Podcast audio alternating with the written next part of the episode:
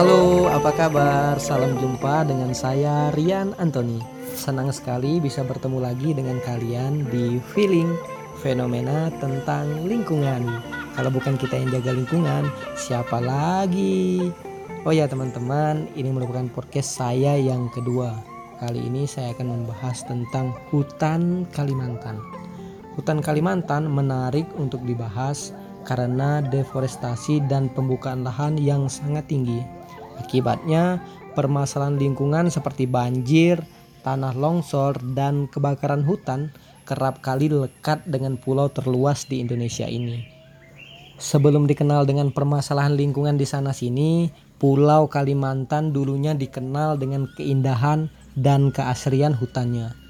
Bahkan hutan Kalimantan merupakan salah satu padu-padu dunia karena hutannya yang mencapai 40,8 juta hektar. Kita bisa membayangkan indahnya menelusuri hutan Kalimantan kala itu, sambil meneguk sejuknya air sungai, menikmati pemandangan di sana sini, dan tentunya kicauan suara burung enggang. Sangat menarik bukan?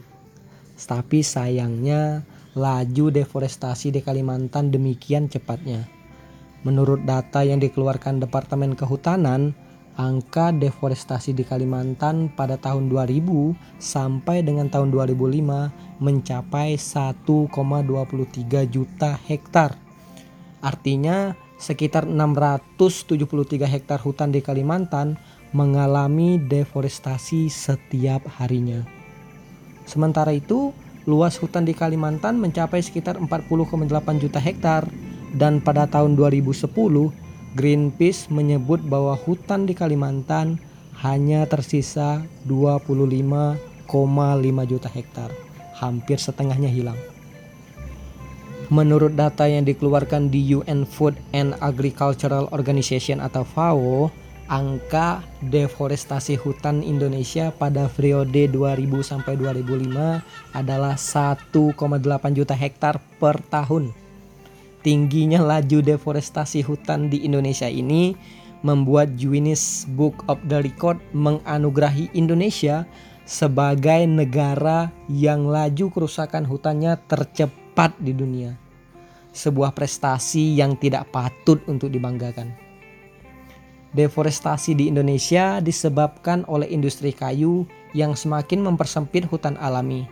Pengalihan fungsi hutan untuk perkebunan kelapa sawit juga memberikan kontribusi besar terhadap semakin derasnya laju deforestasi. Konversi hutan menjadi area perkebunan sawit telah merusak lebih dari 7 juta hektar hutan sampai pada tahun 1997. Berkurangnya luasan dan kualitas hutan di Kalimantan menjadi ancaman serius bagi berbagai jenis flora dan fauna langka di sana, antara lain orang hutan, burung enggang, bekantan, beruang madu, dan berbagai jenis satwa lainnya. Juga tumbuhan epidemik di sana seperti kantong semar, anggrek, dan juga jenis-jenis tumbuhan lainnya. Teman-teman semua, data-data tadi adalah gambaran umum tentang keadaan hutan Kalimantan. Meskipun ada perbaikan dalam banyak hal, namun kerusakan hutan masih terus tetap terjadi. Bahkan pencegahannya pun kerap kali menimbulkan permasalahan di sana-sini. Kalau kita tidak peduli, keindahan hutan Kalimantan hanya akan tinggal kenangan, pun dengan berbagai flora dan fauna di sana. Yuk kita peduli dengan berbagi narasi di Instagram saya ya, @rian_anthony. Dukung terus podcast saya ya. Sampai jumpa.